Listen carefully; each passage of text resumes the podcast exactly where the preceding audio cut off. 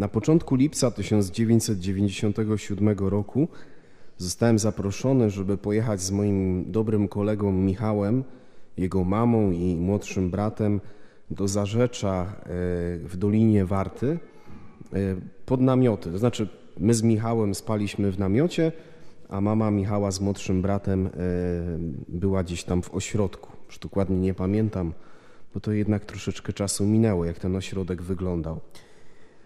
I niestety dniem, dzień za dniem y, zaczynały się y, kolejne ulewy, tak obfite deszcze, że nasz namiot y, raczej był kiepskim miejscem do tego, żeby tam przebywać. I w końcu pamiętam, jak pani mama Ela zawołała nas, żebyśmy z Michałem przyszli po prostu spać do pokoju. I dosłownie chyba wieczór e, przed 9 lipca e, wróciłem, a, a 10 lipca wielu z nas pamięta dokładnie, co się tutaj e, na naszym terenie wydarzyło.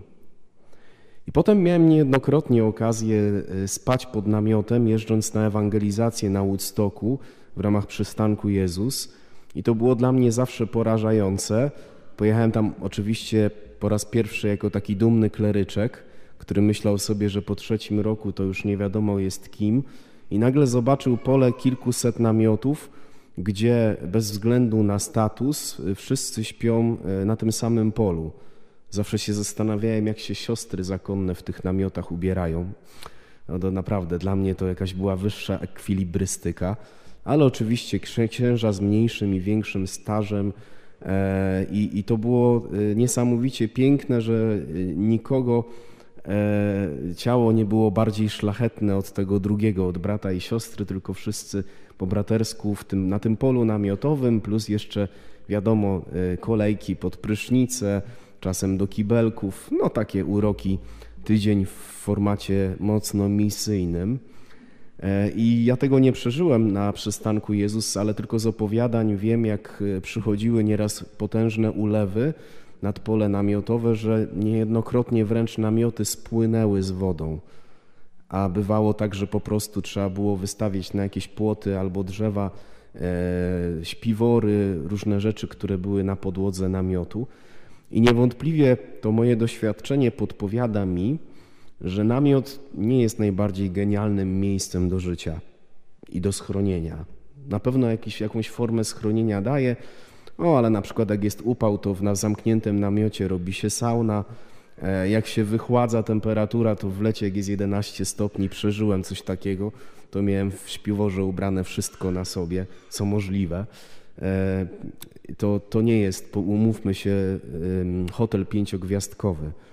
Ale kochani, dzisiaj święty Jan w tej Ewangelii, którą wyśpiewał nam e, diakon Michał, mówi do nas, że słowo rozbiło namiot między nami.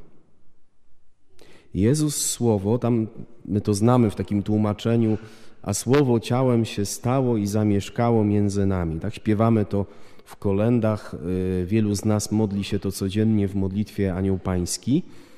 A gdybyśmy popatrzyli do języka koine, w którym dotarł do nas Stary Testament, to jest taka popularna wersja języka greckiego początku naszej ery, to znajdziemy tam właśnie takie sformułowanie, które można by przetłumaczyć, że słowo rozbiło namiot między nami. Co to oznacza? Ja widzę w tym jakieś wielkie ryzyko, które, które bierze na siebie nasz Pan Jezus Chrystus bo namiot nie jest najlepszym miejscem. O wiele przytul, bardziej przytulnym miejscem na pewno był pałac Piłata, namiestnika rzymskiego, albo pałac Heroda, króla, który miał, miał, myślał sobie, że ma jakąś władzę, ale był tylko marionetką w rękach Rzymian. Dlaczego Bóg nie rozbił pałacu, nie wybudował sobie pałac?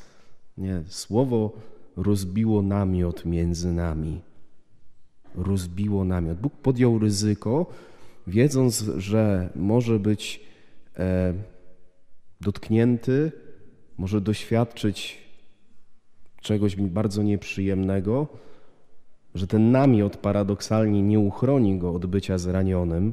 I zobaczcie, że w wielu kolendach przebija się już ten wątek bolesny Pana Jezusa, ale bardzo ważne jest to, że ten namiot jest rozbity między nami.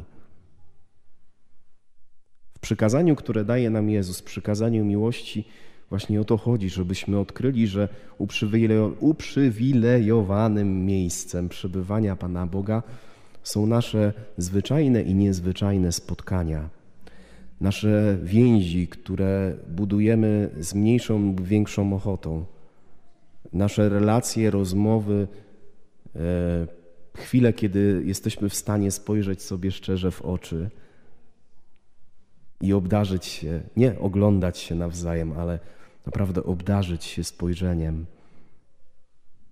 Nasz Bóg jest wielbicielem spotkań. Nasz Bóg rozbił namiot między nami, pośrodku naszego spotkania, po to, żeby spotkanie e, dawało nasycenie Twojej duszy.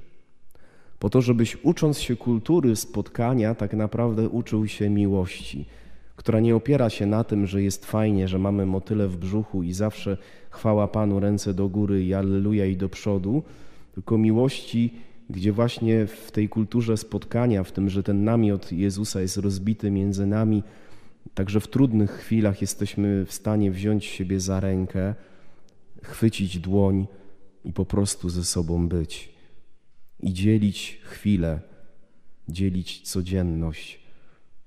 I zobacz, piękną reklamą e, właśnie tego, co dzieje się między nami w trakcie spotkania, jest e, świętowanie. Mamy niesamowicie cenny czas. Może ktoś z nas e, już rano sobie pomyślał, no tak, Wigilia, wieczór, noc, noc Bożego Narodzenia minęła, za chwilę będzie drugie święto i już wszystko. Nie myśl tak. Uciesz się z tych godzin, które Bóg ci daje. Zobacz w tych godzinach, kilkudziesięciu godzinach, które e, są przed Tobą, taką wielką szansę do tego, żeby celebrować spotkanie, żeby ucieszyć się nawzajem sobą, żeby powiedzieć sobie nawzajem dobrze, że jesteś, żeby może po raz pierwszy odważyć się komuś spojrzeć w oczy bo to też jest e, znamienne, że czasami nasze spojrzenie gdzieś ucieka. Nie masz czego się bać, ucząc się spojrzenia bratu czy siostrze w oczy. E, ze trzy miesiące temu zainspirował mnie nasz diakon Michał, ponieważ podzielił się, że czytał taki mądry dokument o nawróceniu duszpasterskim parafii i tam jest użyte przez Watykan takie sformułowanie kultura spotkania. I to właśnie przez kulturę spotkania, która może się szerzyć nie tylko w naszym świętowaniu, nie tylko w naszych domach, ale też w naszej parafii, możemy coraz bardziej doświadczać tego, że kiedy siebie widzimy, kiedy ze sobą rozmawiamy, kiedy dzielimy się życiem, kiedy uczymy się miłości wzajemnej, to naprawdę Jezus ma rozbity namiot między nami. Oczywiście dużo ryzykuje, ale przecież odkrywając Jego miłość, i my chcemy o Nim myśleć i do Niego podchodzić z czułością.